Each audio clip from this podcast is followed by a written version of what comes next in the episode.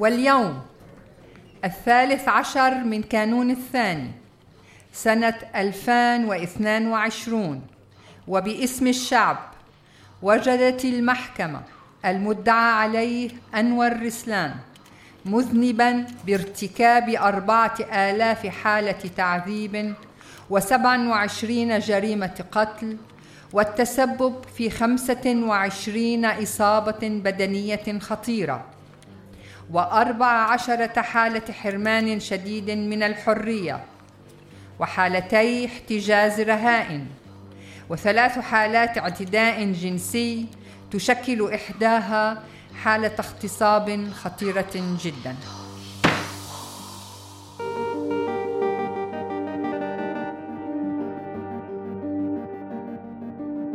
بودكاست الكاتبة.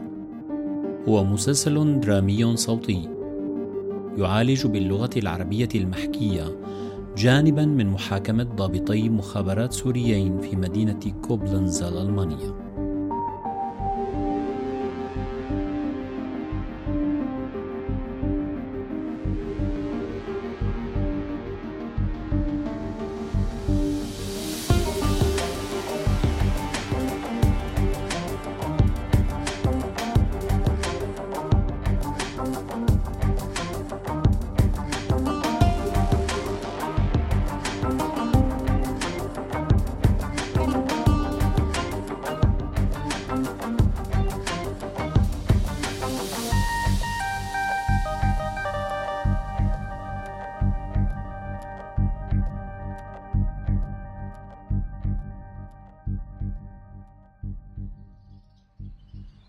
هلا معناها عم تسحبي كلامك عن موضوعيتي ضميري الحي؟ لا ابدا.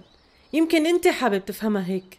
يعني لو قلت لك إنه العدالة بتتطلب توازن بين كفتين وإنه هذا حق الضحية والمجرم بنفس الوقت بصير عم شكك بموضوعيتك؟ وإذا قلت لك إنه المجرم أو المجرمين يا ستي سبقوا ووضحوا وجهة نظرهم بكل الوسائل وبدون خجل وبدون ما ينحرموا حق التعبير والدليل؟ مئات الآلاف من التقارير والوثائق والفيديوهات والضحايا. شو لسه بدنا نسمع منهم بيانات ختامية للبراءة يقولوا فيها أنه كنا مجبورين. أو والله كنا ضحايا مثلكم وجبرونا إلدا كوني منطقية شوي. سيف أنت اللي عم تطلع عن المنطق. نحن عم نحكي عن محكمة قوانين ولوائح.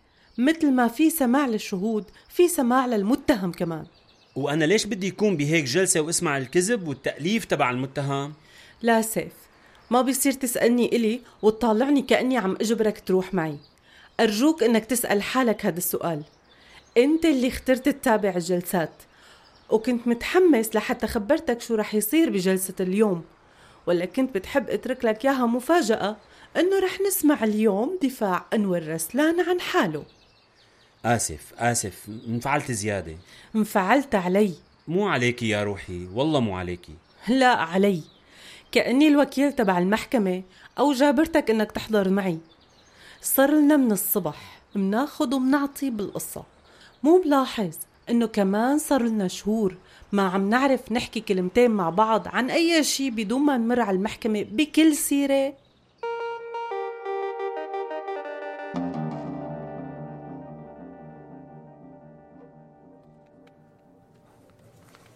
السيدات والسادة رؤساء المحكمة الأفاضل في كلمتي هذه الموجهة لمقام المحكمة. أنا لا أدافع فيها عن نفسي وحسب بل سأقول الحقيقة أيضا. كانت أول مظاهرة في دمشق القديمة أمام الجامع الأموي.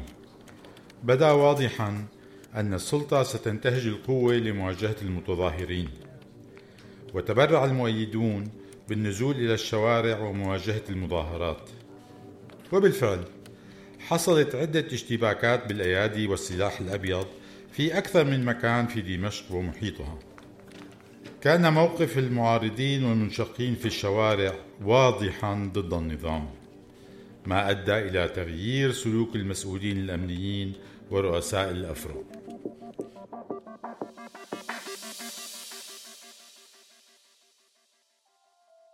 غلط. هذا الحكي كله غلط. كون محدد أكثر مقدمة تافهة فيها استعراض تاريخي من وجهة نظر مجرم. هذا المجرم كان رئيس مكتب تحقيق بالفرع 251 مات تحت إيده مئات الأبرياء. طبعا رح يقول كل الكلمات الحذرة والمواربة ليثبت بذهن المحكمة الصورة اللي محتاجها ليطلع بريء. شو بتقصد؟ شو الصورة اللي زعجتك أكتر شي؟ لما قال إنه كان موقف المنشقين والمعارضين واضح وهذا اللي أدى لتغيير سلوك رؤساء الافرع بيكون نسف كل الحقائق اللي بتقول إنه المظاهرات كانت سلمية وإنهم كانوا مو مسلحين. الصورة اللي عم يرسمها فيها عنف من المتظاهرين بالتالي كان طبيعي الرد عليهم بالعنف. شفت وين المصيبة؟ هذا تزوير للحقائق. ويكون. لكن ليش المحاكم تتضمن كل الوجوه والشهادات والأدلة؟ هي كانت ورح تضل لعبة صعبة وخطيرة لتحديد أي الوجوه أقرب للي صار فعلا. دكتور كمية المشاهد اللي رسمها للمحكمة وطالع حاله فيها ضحية ومظلوم كانت مرعبة. لك أنا خفت. خفت حتى على موقفي ينهز وأنا عم اسمعه. على شوي كنت رح أتعاطف وصدق أنه ضحية. خفت المحكمة تنسى. عم تسمع حالك سيف؟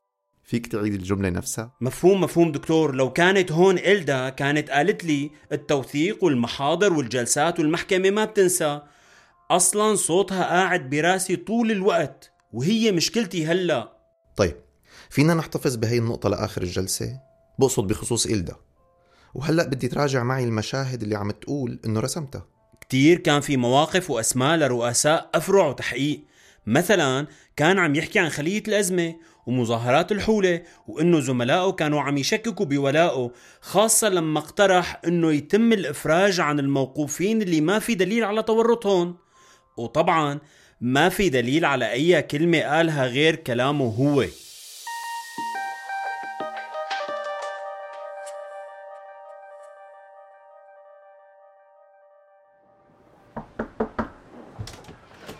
احترامي سيدي رئيس الفرع على الهاتف سيدي. طيب. سكر الباب وراك. حاضر سيدي. احترامي سيدي. يعطيك العافية عقيد أنوار. كيف الأمور عندك؟ حضرتك مثل ما بتعرف وقت صعب بس عم نتعامل معه. رح كون مختصر وفوت بالموضوع دغري. أنت بتعرف إني ما بحب شكاوى الزملاء على بعضي بس صار أكثر من مرة حديث بخصوصك والوضع حساس. عم تفهم علي ما هيك؟ فبدي منك تنتبه للي عم يصدر عنك. وما تصير ولا لبكي بالفرع مع الشباب خاصة إنك رئيس قسم التحقيق. مع كل الاحترام سيدي أنا عم أدي واجبي بكل مصداقية بس بسبب الفوضى اللي صارت هون بالفرع تحديدا بطلت أعرف مين عم يحقق مع مين.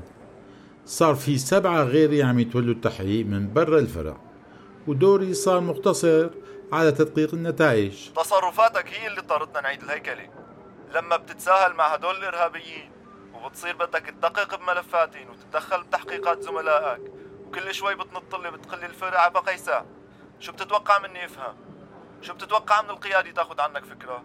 هي إشارة فيها تشكيك وتخوين سيدي. وحضرتك بتعرف تاريخي منيح؟ لأني بعرف تاريخك ما اكتفي بإني حذرك. والباقي عندك ها؟ لا تحيجني احكي معك مرة تانية بهذا الموضوع.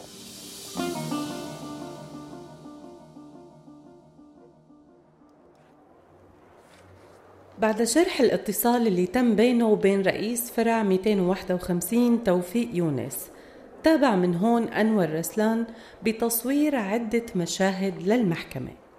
هاي المشاهد بيضيع فيها الخط الزمني. كون أنور كان عم ينتقل روحة رجعة بين التواريخ بحنكة شديدة بحيث يقدر يلم الأحداث بسياق بيناسب رواية البراءة يلي عم يقترحها استاذي إلدا عندي سؤال بعد إذنك هل ممكن يغيب عادة عن المحكمة هذا التلاعب الزمني؟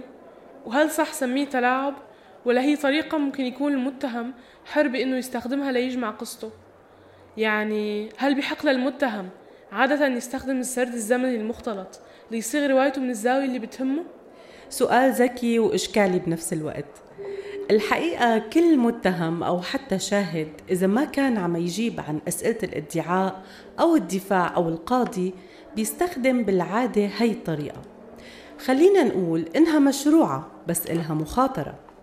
يمكن المحكمة ما بتسجل أو خلينا نقول بتوثق هاي الطريقة على إنها تلاعب بس كمان استخدام السرد الزمني المختلط بيأثر بشكل غير مباشر على مصداقية اللي عم يحكي. وهذا اللي رح نشوف وقعه لما رح يصدر الحكم بالأيام اللي جاي.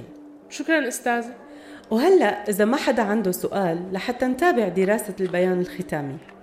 وبعتقد إنه لما رح نقارنه بإفادات رسلان السابقة يلي بتبري النظام من أي مخالفة للقانون بخصوص المعتقلين طبعا رح نشوف التراجع الواضح وتغيير المواقف تجاه المحكمة الضحايا والنظام السوري كمان.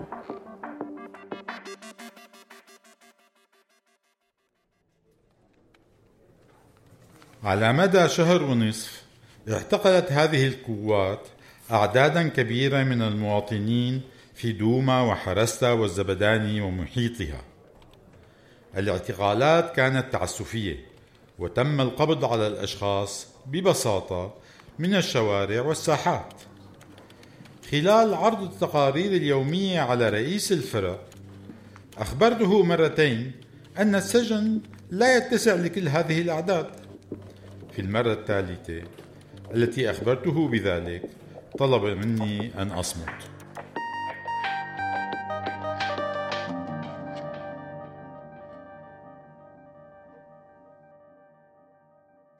اللي عم بيتعبني إني سامع صوتها براسي طول الوقت. صرنا سنتين عايشين مع بعض وصرت بعرف منيح كيف بتفكر وشو رح تقول بكل موقف وعم يصعب علي شوف حالي عم بتمنى طريقتها بالتفكير. ليش عم يصعب عليك؟ إيه لأنها مو طريقتي مو أفكاري مو زاويتي. لأنه اللي بياكل العصي مو مثل اللي بيعدها. هي حالتي معها بكل شي هلأ. أحيانا بكره قديش بتكون على حق. بكره إني ما عندي القدرة أسبقها لشوف الصح وإنه أجوبتي مو جاية من مكان سليم. من وين جاية أجوبتك؟ من وجعي. من وجعنا كلنا. من زاويتي المشوهة بس كمان من واقعية اكتسبتها بالتجربة. عم حس إني لازم دافع عن حالي طول الوقت كأني بمحكمة. أنا متهم طول الوقت. هي عم تصدر لك هذا الشعور؟ ما بعرف. لا مو هي. هي بتتصرف على طبيعتها. يمكن أنا بس حاسس بهذا الصراع جواتي وبيحضر كل ما بنحكي. عندك مثال؟ طبعا عندي. يا سيدي اليوم غير الانفعال اللي حكيت فيه الصبح معها قبل ما نروح على المحكمة. في لحظة لما عملوا استراحة الغداء بعد ما سمعنا أول جزء من بيان أنور رسلان أنا لوقتها كنت فعلا مو طايق حالي من اللي سمعته. قام خبرتها أني ما رح كمل جلسة بعد الظهر. أوكي على راحتك يا قلبي. كنت حابة نكمل اليوم سوا هون بس إذا تعبان يعني. لا مو تعبان بس قرفان. ما بظن رح أتحمل جولة تانية من الاستعراض والكذب. أنا مدهوش كيف بتسمح هيك محكمة لقاتل ومجرم بأنه يستغبي التاريخ مو بس يستغبينا ويتباهى ببراءته ويحط كل الفعل على ناس ما بنقدر نوصلهم شفتي طريقته؟ شفتي الخطة المرسومة؟ أنا معك بكل شيء قلته. بس إذا ما كملت الجلسة اليوم بتكون منعته يبري حاله. على فكرة أنت بس بتكون غبت عن الحدث. أنا غايب من زمان ويا ريت كنتي خليتيني غايب وما جبتي لي سيرة كل هالقصة من الأساس كنت مرتاح وناسي كل شيء عجبك هيك هلا؟ سيف سيف وين رايح؟ لك ما بيصير تمشي هيك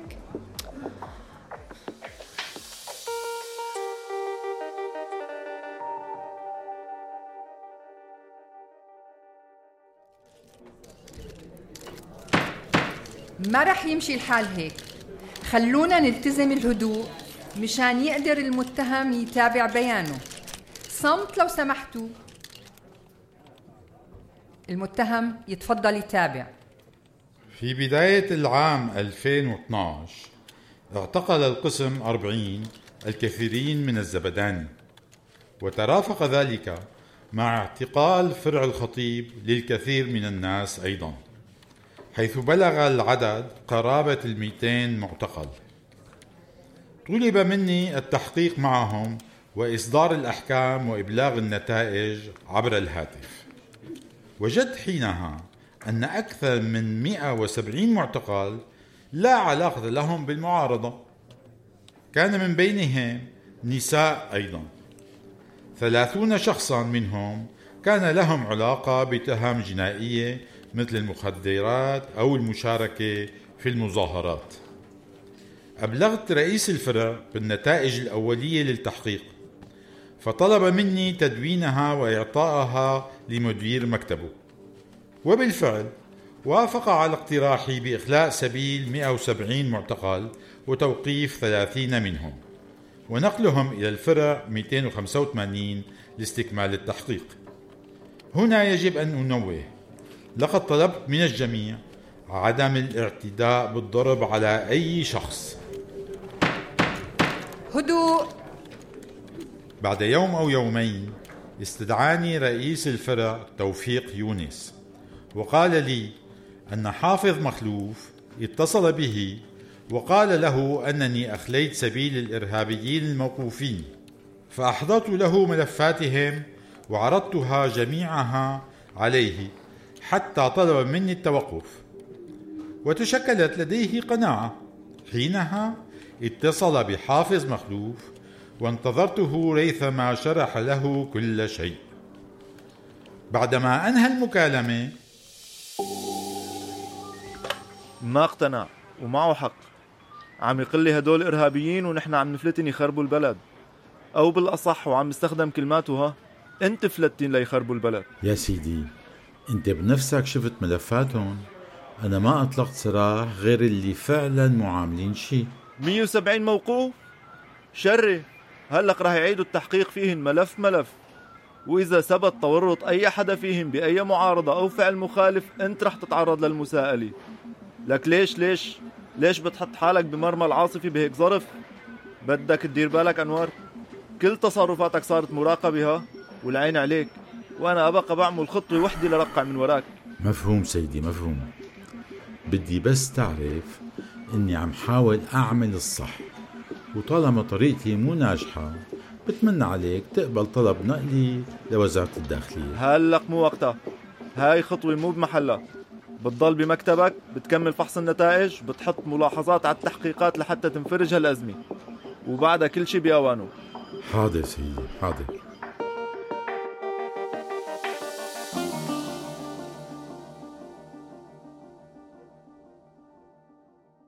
أنا بس غاضب لأني ما عم بفهم آلياتها. كيف قدرت بهي البساطة تحول خبرتها بهي المحكمة لمشروع بحثي ورسالة دكتوراه بين القانون والسرد وفوقها كتاب؟ يعني حاسسها انتهازية؟ لا ما بقصد هيك أبدا. وبفهم إنه هذا استثمار لتجربة سنتين على الأقل بهي المحاكمات. بس ما بعرف كيف حاسس كيف قدرانة تكون حيادية؟ بس بدي ذكرك إنك عم ترسم الجلسات صار لك شهور ومعرضك اللي جاي موضوع المحاكمات. ليش عم تنكر عليها تستثمر تجربتها؟ يمكن لأنها طبيعية مو مكسورة مو خربانة مثلي. أنا مو غضبان منها غضبان من حالي من تشجيعها الصافي وحماستها وإنسانيتها من قلة موضوعيتي اللي ما عم أعرف من وين بدي جيبها لما بحط عيني بعينها. أنتوا عم تنتظروا طفل بأي لحظة؟ هل بتشوف إنه هذا هو الوقت المناسب لحتى تحاسبها على انكساراتك وقلة انكساراتها؟ لأنه نحن عم ننتظر طفل عم إجي لعندك. ما معي وقت. لازم حل هي الكركبة جواتي. لازم أفهم من وين جاي الغضب وليش ما عم أعرف كمل معها أي حديث. دكتور أنا بحبها. بحبها وبحترمها كتير. معناها مشكلتك مو معها. مع حالي بعرف. محتاج فعل. محتاج توازن مصالحة. إلدا عم تكون هي نفسها دائما. أنا اللي ما عم أعرف مين أنا. مين أنا بهذا المكان؟ مين كنت بسوريا؟ مين بدي يكون؟ مين الشخص اللي رح يكون أب لطفلي اللي جاي؟